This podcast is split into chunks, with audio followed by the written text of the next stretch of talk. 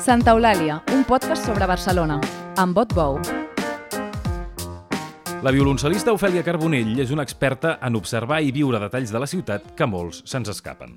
Per exemple, com expliquen i veuen Barcelona els nòmades digitals a les seves xarxes socials, o què fan els turistes estrangers quan venen a la nostra ciutat, o com és que tan sovint les converses a Barcelona semblen monòlegs. Ara Carbonell ha escrit un llibre que es diu Fusta i resina, amb la col·lecció Bronzits de Juliana Canet, perquè diu que li faltava una mirada jove sobre Barcelona. Un relat de la ciutat on sentir-se representada, físicament representada. Amb ella parlem d'internet, d'inestabilitat laboral, d'èxpats, del soroll del camió de les escombraries i dels canvis de pis i el preu del lloguer. Ofèlia Carbonell, tot seguit, a Santa Eulàlia. Ofèlia Carbonell és violoncel·lista i col·labora en diversos mitjans. Ofèlia Carbonell, benvinguda a Santa Eulàlia.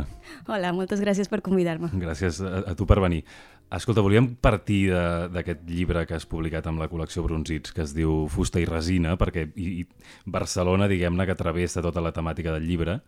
Uh, però primer potser ja a a aquestes altures ja és un, ja és un tòpic, però mm, t'he llegit diverses vegades això que deies, que et semblava que faltava una literatura que expliqués la Barcelona dels joves. Mm -hmm. No sé, per això dic que és una mica tòpic, però uh, que, que tu senties que faltava això i que era una de les motivacions per escriure el llibre. No? Sí, que això també, clar, jo això ho vaig, vaig pensar mentre escrivia la novel·la i mentre pensava el projecte i tot això, però clar, abans que es publiqués, resulta que van sortir dos novel·les de, fetes com per també a Barcelona i de dues autores, la, de l'Andrea la, l'Andrea Genovart, per exemple, que, que a més se'n va parlar molt també i que crec sí. que la perspectiva potser era una mica similar, però jo no hi comptava, no ho sabia quan vaig escriure la meva, que, que coincidiria, però sí que és veritat que, que quan, quan em plantejava que volia escriure, volia escriure sobre Barcelona i des de Barcelona, perquè a mi sempre m'ha agradat molt llegir des de petita i també vaig tenir com una època obsessió rodoreda, com molta gent d'aquí a Catalunya. També vaig llegir eh, Vida privada, però massa aviat, després rellegint-la vuit cops perquè no ho entenia i no sé què.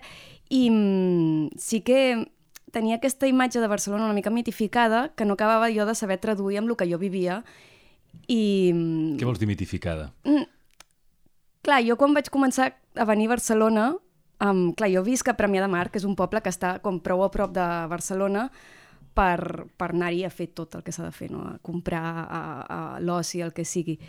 Llavors, però alhora, clar, només hi anàvem com els dies especials amb els meus pares i vaig fer vaig treure aquesta fascinació després d'adolescent només pensava en a Barcelona, al carrer Tallers, a buscar discos, samarretes de metal després de sortir de festa a Barcelona, no sé què. I, mm, però clar, això no coincidia, era un, amb la Barcelona que jo havia llegit els llibres, perquè jo potser estava més per la zona amb el Raval, Marina, com coses així. I jo tenia molt aquesta idea de uah, com deu ser um, viure a Gràcia, no? com deu ser passejar per l'Eixample, no? aquests portals tan macos que he vist alguna vegada, no sé què. La Barcelona de porca misèria, una mica, no? Sí.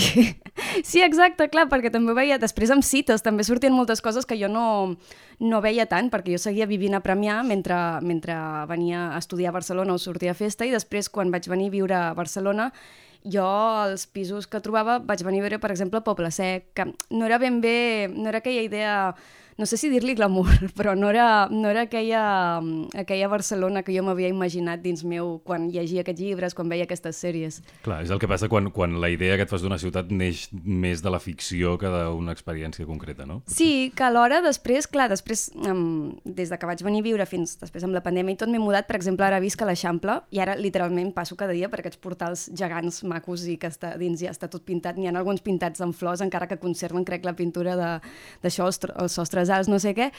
I, I alhora encara jo sentia que faltava una mica... mm, És que no vull... No, potser no en diria tan visió jove, però, mm, però sí que trobo a faltar... No, no em reconeixia en cap de les veus que parlaven de Barcelona, perquè hi ha hagut molta gent parlant de Barcelona, a part dels escriptors que tenim més així consagrats en la història de la literatura, hi ha molta gent que escriu ara articles, columnes, que fa, mm, fa més del seu, de, de l'escena cultural a Barcelona, que parla sobre anar, les obres de teatre, els barris, el no sé què, Sí, presentacions de llibres, tot Sí, això. com tot aquest món. I tampoc acabava de veure a mi i no sabia com potser era per, perquè jo sóc molt particular i com visc dins el meu món, però, però tenia moltes ganes d'explicar de, la meva Barcelona entre cometes. Mm -hmm. Escolta, hi ha una cosa que, que, que no sé si a tu també et passa, però la, la protagonista, que el lector pot sobreentendre que és una mena d'alter ego teu, mm -hmm el que passa que és que gairebé no parla o no parla amb tota la novel·la, sinó que simplement eh, escolta i observa les, les,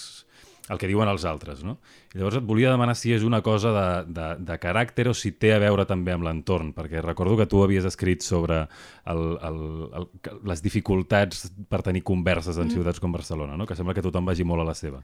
Sí, això va començar... Primer ho volia fer com una cosa del primer capítol, perquè el primer capítol um, es troba la protagonista amb una amiga seva, que és la que li fa una proposta, i jo volia... Um, volia escenificar com un contrast molt gros entre aquests dos personatges perquè volia ensenyar doncs, la protagonista que no acaba de trobar el seu lloc i la seva amiga que, sem que aparentment ella es pensa que tot li va bé o potser li té una certa enveja i volia que una parlés molt i l'altra no parlés.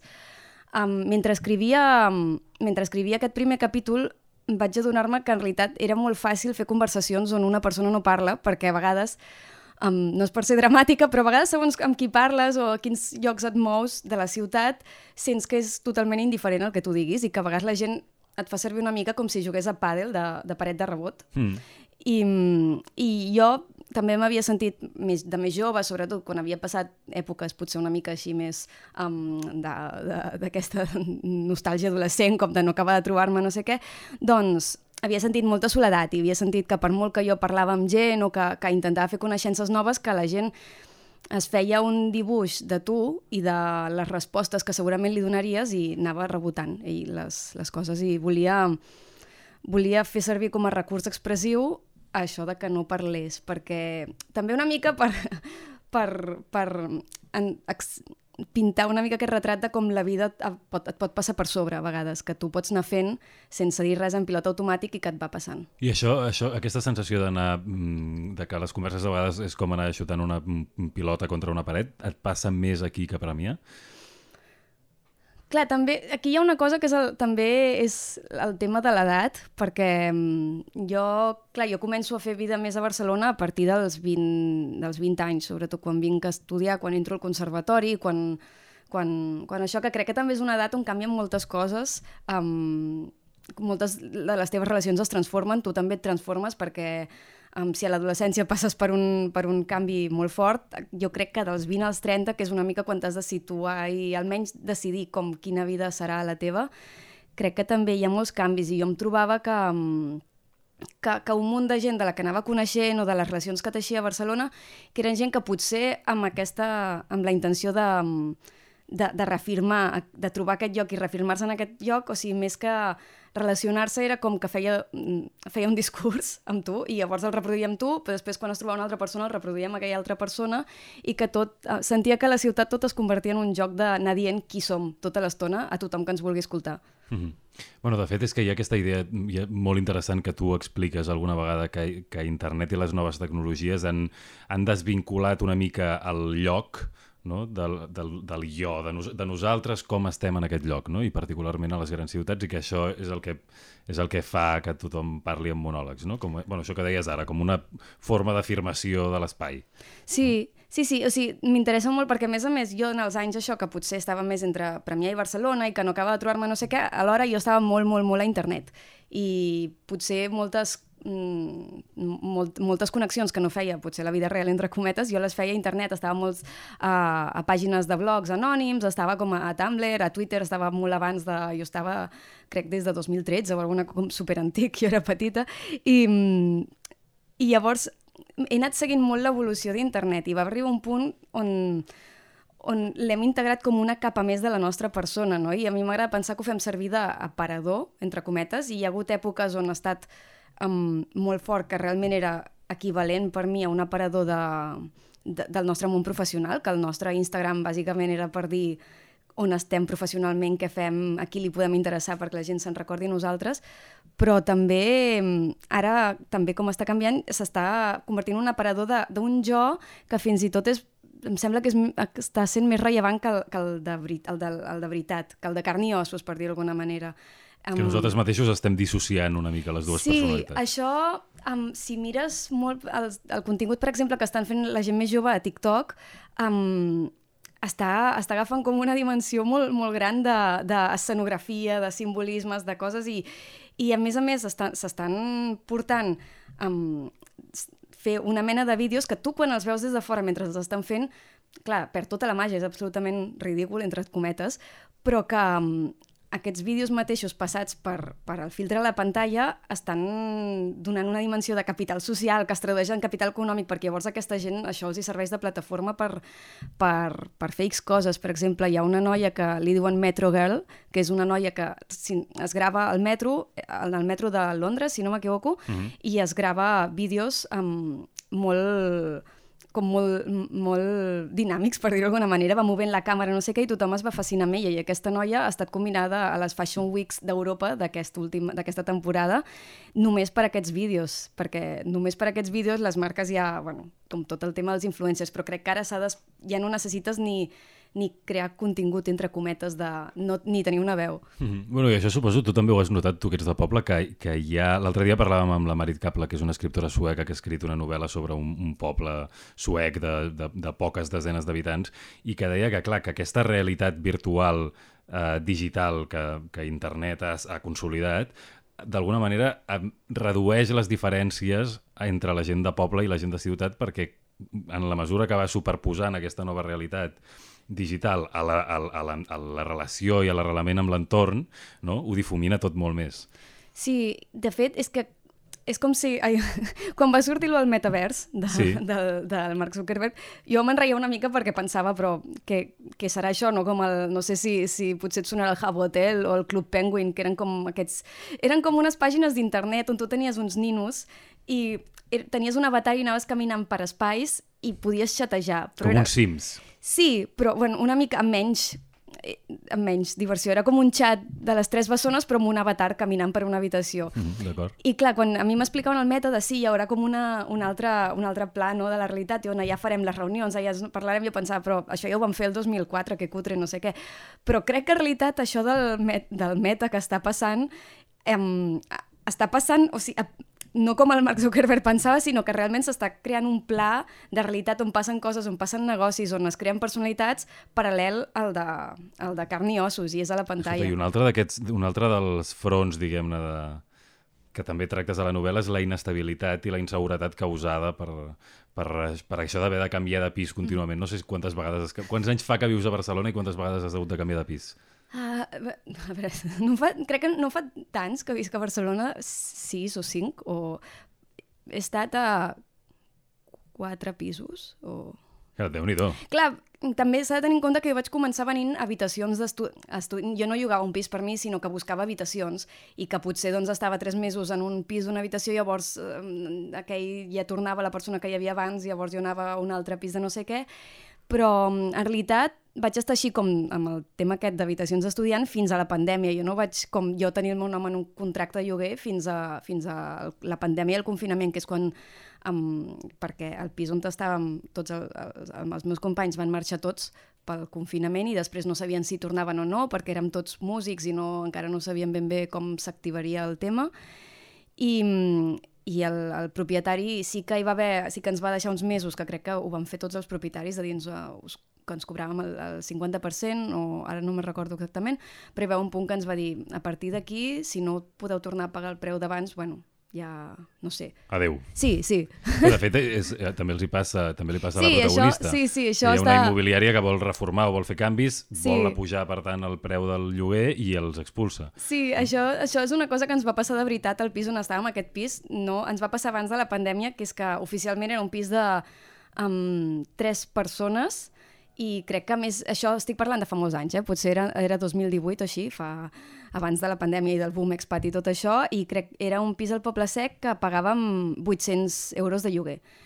I arriba un punt que jo crec que hauria estar començant a pujar al mercat immobiliari o alguna cosa i ens van dir que l'havíem de renovar el contracte i ens va dir, bueno, és que el volem pujar a 1.200 i ens va enganxar tots així una mica com desprevinguts, no, ningú tenia, no sabíem ben bé amb la fiança què passaria, perquè es feia allò de que com que es van substituint ocupants de les habitacions, llavors diu Sí. el que marxa, que el que entra li doni la fiança, no sé què, però llavors hi havia com, era com un, uns diners invisibles que no sabíem quan tornarien, quan no, ningú tenia estalvis per la fiança per un altre pis, ningú tenia contactes, crec que més era com a um, era a meitat de curs, que no, no, era, no hi havia el moviment aquell de setembre o de finals que que d'això. la gent se'n va. Sí, ens va enganxar... Nosaltres confiàvem molt que ho tornaria a renovar per una mica més o no sé què, però, però jo crec que ens va, ens va dir aquest preu esperant que marxéssim i suposo per, per llogar-lo a una altra mena de persones. Però llavors sí que hi va haver la conversa que surt al llibre de hi ha una habitació que no estem fent servir, em, què fem? El,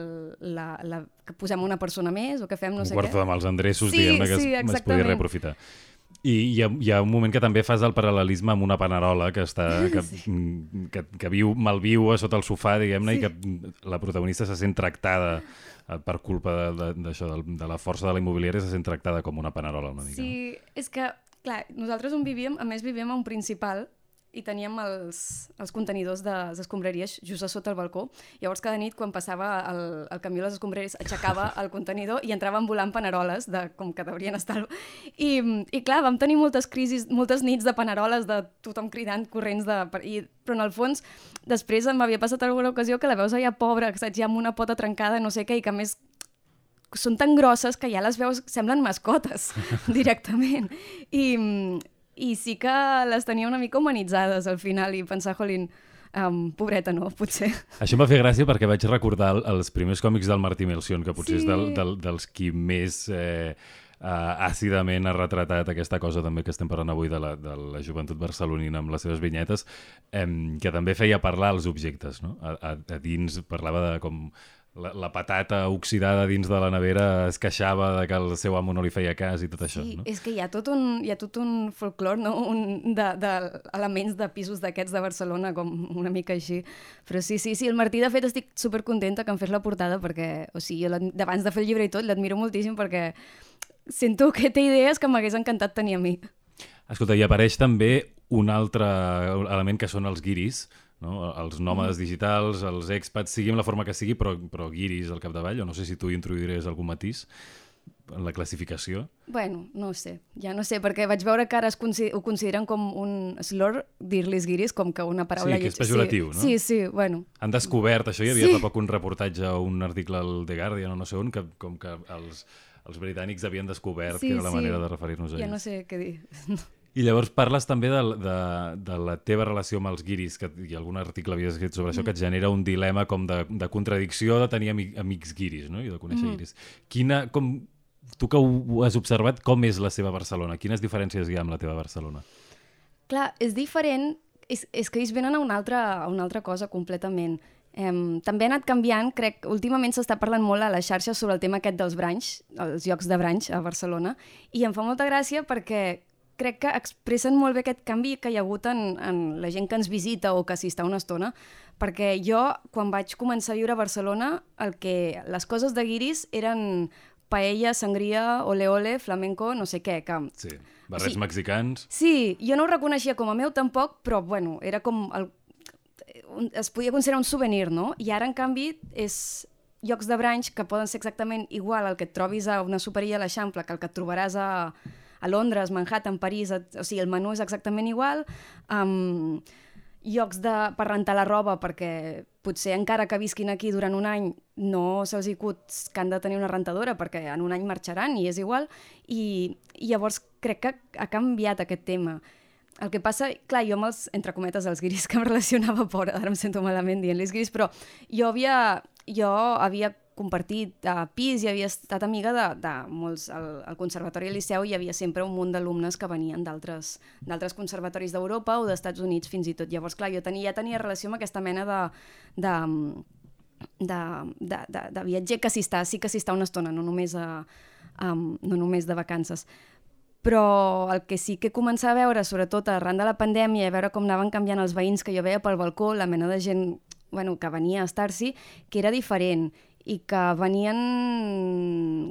Sem per mi semblava que Barcelona es, compartia, es convertia en un escenari per viure una aventura, més que no un seguit de de, de coses per descobrir o tastar o, o fer la foto i portar-ho a casa. Com que era una palanca, que es podien relacionar amb la ciutat sense el, el, el pòsit cultural Sí, i de la vida que s'hi feia. Sí, per mi era com que el Barcelona era l'excusa, però que el, el centre seguien sent ells, entre cometes, per dir-ho d'alguna manera, i que ser Barcelona era l'excusa per, per dir com, com serà la meva vida a Barcelona, no? Com, i no què, hi veu, què veuré a Barcelona o què, què menjaré, què, quina música escoltaré. I mm, crec que és una manera de consum de la ciutat um, que, que he vist sobretot els últims anys, els, perquè estic vivint a l'Eixample i estic veient que s'ha omplert els pisos de l'Eixample, que més, clar, estan caríssims i, mm, i són els preus que ells poden pagar i crec que, mm, crec que li acaba de, de com deshumanitzar la ciutat, entre moltes cometes, eh? però només perquè sento que és Barcelona perquè ells han vist un TikTok que diu um, 10 coses que no et pots perdre a Barcelona i han triat Barcelona, però que podrien haver triat a Milan, a Lyon, qualsevol altra ciutat. Què diuen els, els guiris o el- els nòmades digitals que diuen de Barcelona a TikTok i a Instagram i en, aquest, en aquests vídeos que comentes? Depèn, eh? Ara, últimament, clar, fem virals els que ens insulten, no? Com aquell noi que deia que no lligava a Barcelona, pobre. Sí, és veritat. Sí, però hi ha un munt de contingut de, de gent que romantitza la ciutat entre cometes, però des de la seva perspectiva hi ha, hi ha molts de vídeos de passa un dia amb mi a Barcelona o de mm, com és viure, com és la vida d'una no sé què a Barcelona i són com um, nois, noies que, jo que sé, que viuen o a l'Eixample o al Poble Nou o a Gràcia i que es lleven, fan un esmorzar amb la torrada del Bocat i el cafè Colbriu i se'n van després a un, a un lloc d'aquells de treball, mm, ai, com es diu? un work, Un coworking. Sí, això. Ara t'estava tenint un coworking i després se'n van a dinar a un lloc on fan tot de coses que són pastetes amb quinoa, amb no sé què, amb no sé quantos que no... Després a la tarda passegen, compren roba segona mà al Born i a la nit se'n van de festa. I com... És una vida molt xula, però és una vida que crec que no, no, no implica Barcelona de cap manera. Mm. Però a tu et genera com una certa fascinació, pot ser? Perquè per, recordo un vídeo teu, per exemple, que, que feies com posaves a prova tota l'experiència guiri, la intentaves viure amb la pròpia pell i te n'anaves a, la, a la Rambla Sí. a provar tipus de sangria i menu... fa, fa un temps d'això. Sí, però... sí, perquè alhora, clar, jo també, de, arran de tenir aquests amics que eren Erasmus o eren d'intercanvi a altres llocs, jo surt, he sortit molt de festa a, a llocs de guiris de nit o de doncs, molts bars d'aquests irlandesos que tenen una discoteca al fons que no sé què, o moltes de, discoteques que el, el Jamboree, com llocs així raros Sí. que... I, mm, I llavors a mi em fascinava perquè és que realment és, em sap greu també criticar-ho tant perquè la gent, els, aquests expats o guiris o digue-li com vulguis, s'ho passen molt bé aquí i, i els encanta i tenen com un record tan maco a Barcelona i com és, és com mentre viuen l'experiència d'estar a Barcelona se sent com si estiguessin de colònies durant el temps que estiguin aquí i alhora ho fan sense relacionar-se amb amb res de la ciutat ni amb cap, sobretot amb cap persona. Jo anava a aquests llocs i tothom em preguntava where are you from? perquè estàvem construint un mosaic de, no? Com que divertit que aquí tots som de llocs diferents i ens trobem i venim a viure la vida com si no hi hagués gent de Barcelona, no? I jo tenia certa enveja de pensar, jolín, jo també vull aquesta energia d'últim dia de colònies amb l'escola cada dia i no, no la meva Barcelona, que a vegades, bueno, no és, a vegades no és tan divertit quan no, no funciona bé el transport públic o quan de sobte està m'invadeixen les paneroles o, o això. I sí que tenia certa enveja. Si et feia enveja la Barcelona dels guiris, diguem-ne. Sí, perquè pensava, és que jo no... Crec que com que ja, jo ja la conec d'una manera, jo no la podré viure, aquesta Barcelona, però alhora em morio de curiositat, perquè mm, s'ho passen molt bé, a més a més és un fenomen que durant els anys sembla que no s'acabi, cada cop diuen que algun dia s'acabarà això el turisme o d'aquesta... De, de viure la, la ciutat així, però no s'acaba, s'inventen coses noves. Quan s'acaba lo de paella sangria ole, ara és torret al bocat amb mindfulness, no sé què. I, mm, O sigui, evoluciona però no s'acaba el model. bueno, suposo que es va reinventant a veure què més podem vendre o ells mateixos busquen, com que també hi ha aquesta... Com que ara està lligat al tema a les xarxes, que ells mateixos han de trobar contingut per vendre, clar, si ja no, si ja no queda instagramejable la paella radioactiva i no sé què, doncs aniran a buscar, doncs ara farem el, el açaí bowl amb no sé què, no sé quantos. Bé, també perquè és un tema que té ben molt a veure amb un model econòmic, diguem-ne que si no es reverteix en polítiques públiques no... ja tenim aquesta sensació permanent com d'estancament, però en realitat és que no, no es fa res, diguem-ne, per canviar-ho, no? Més aviat s'ha creat un model que ho alimenta, tot això. Clar, i a més és un tema molt sensible, eh? perquè és dels pocs temes, jo gairebé no em fico amb merders a internet, però crec que de les poques vegades que com m'han insultat ha estat o per parlar del turisme o dels lloguers. Però, a més, com jo dient coses super inofensives, eh? perquè tampoc, jo tampoc és que faci d'això, però com alguna vegada que, que he dit és que els turistes, o algun article sobre el turisme a Barcelona o no sé què, ja, ja com és un tema molt espinós, que la gent, suposo que és perquè toca, toca el sou a algú, però, però és com si no es pogués discutir d'una manera realista i, i escoltant totes les parts. Mm -hmm. De fet, hi ha una cosa que dius, que és que el nostre turisme no es pot comparar amb altres ciutats igualment saturades com Roma o Venècia. Què hi ha, què, què, què hi ha de diferent amb aquestes altres ciutats? Quina creus que és la diferència? Crec que, a veure, tots, jo crec que no és realista tampoc dir com prohibit turisme a tot arreu, perquè tots després veus arriba, arriba juny i de sobte tots els que deien bueno, no cal viatjar, de sobte estan viatjant, no? I tots hem viatjat i jo també, i, i jo crec que és xulo anar a conèixer coses, anar a veure coses, um, però sí que és veritat que la gent quan vas a Roma um, busques la postal del Coliseu o quan vas a Venècia busques conèixer, doncs, jo què sé, te'n vas a un concert de música Vivaldi, no?, de coses així, però a Barcelona crec que sí que en un moment sí que s'havia creat aquesta postal, encara que fos, per mi, fos errònia o no acabés de ser ben bé... I encara existeix el tema del flamenc així, de consum ràpid i coses així, però crec que ara és que cada cop és ve gent que li és, li és absolutament igual això, que potser venen i potser passen fent footing per davant de la Sagrada Família i fan una story per Instagram, però que ells venen a, perquè Barcelona pot fer tots els teus somnis possibles. És el lloc més xulo per sortir de festa, és el lloc més guai per viure coses, conèixer gent, enamorar-te, liar-te, no sé què, i després te'n tornes al teu país un altre cop i com si res. Això és el que tu dius de la, de la Barcelona, com a, no sé si ho pronuncio bé, però Manic Pixie Dream. Sí, és, sí. És això, és aquesta idea. Sí, perquè això vaig tenir l'ocurrència perquè és el concepte aquest de el Manic Pixie Dream Girl, que és aquests personatges femenins en, en pel·lis, normalment comedi pel·lis romàntiques o comèdies romàntiques, que és un personatge femení que és fet a mida només perquè l'home protagonista s'hi enamori i no és un personatge realista, normalment és buit i normalment només serveix això de palanca, no? Per...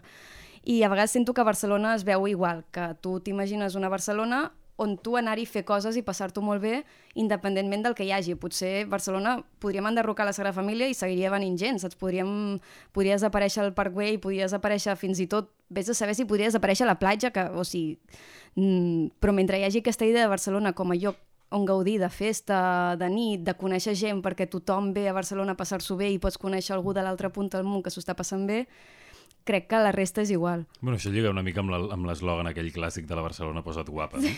Una mica. Sí, clar, és que jo no, no et sabria dir ara fins on ens hem de remuntar, eh, per això, però...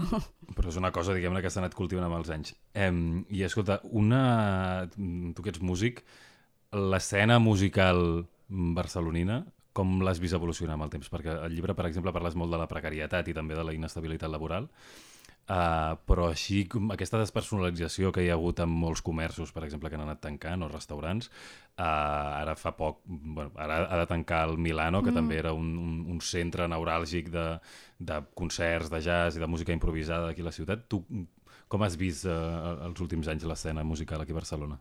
És, bé, és complicat. Crec que ja va dins de, de, de l'àrea específicament de la música, que és dintre tot això de la cultura i les arts, que com que no sabem ben bé com catalogar i com medir les, la seva productivitat, que llavors es permeten aquestes pràctiques potser no tan... Um, bueno, que precaritzen, no? com el tema de si es, paga en, si es paga bé en factura o si no, o els bars que a vegades et paguen okay, segons la gent que vingui, a vegades amb begudes, a vegades no sé què, però sí que he vist precisament el que esmentes al Milano, que, que cada cop costa més fer música um, a Barcelona en directe i crec que és, és important, sobretot si valorem l'escena musical catalana, um, s'hauria d'intentar que, no, que no tanquessin. Ja sé que és complicat perquè crec pel que em van explicar al Milano és perquè li van fer una oferta al propietari, no sé què, llavors, o sigui, jo no, no, no dic que haguem d'expropiar a tots els llocs on es fa música, però crec que si valorem la cultura tant com es va dir quan lo de la pandèmia i tot, crec que seria mirar que hi haguessin alternatives per crear escena musical que no fossin només en festivals i especialment en festivals amb, pri, bueno, privats que són Sí, i que, i que alimenten aquesta, aquesta Barcelona, aquesta Manic Pixie Dream Sí, que... o sigui que també, o sigui,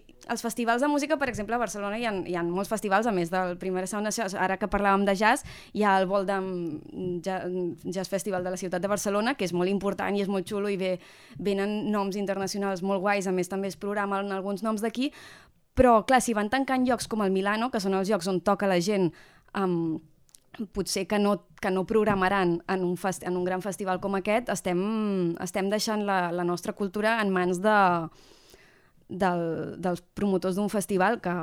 que... I, I que són els llocs que són els, els, els llocs on pot florir, no? On clar, poden florir clar, nous o sigui, talents. Les coses que passen en, un, en, en, locals de, en locals de música en directe, com és el, el Milano, el Jamboree, a Robadors 23, el Maki o llocs així, aquestes coses que passen són necessàries perquè hi hagi una cultura musical sana. El que, tot el que després veiem als festivals programats o veiem en discos o que sona per la ràdio és conseqüència del que passa en aquests locals de música en directe. Llavors jo crec que és sa que els músics de Barcelona segueixin tenint llocs on, on portar les seves propostes sense tenir una discogràfica, sense tenir necessàriament una discogràfica al darrere o algú que els hagi, o un padrí, entre cometes, eh? Um, crec que és necessari que hi hagi aquest espai per trobar-se, per dialogar, perquè es coneguin entre músics també. Hi ha moltes, moltes relacions, molts projectes que neixen literalment de socialitzar en espais de música. Llavors, jo crec que és una pena que es vagin perdent aquests llocs. Molt bé, doncs ho hem anat tocant tot. Sí. Moltes gràcies, Ofèlia. Merci. Com sempre, gràcies per escoltar-nos i recordeu que ens podeu enviar comentaris i suggeriments a l'adreça de correu electrònic santaeulàlia.vilaweb.cat. Fins aviat! Santa Eulàlia és un podcast de VilaWeb presentat per Otbou amb Carles Garcia al servei tècnic i a les veus Maria Castanyer.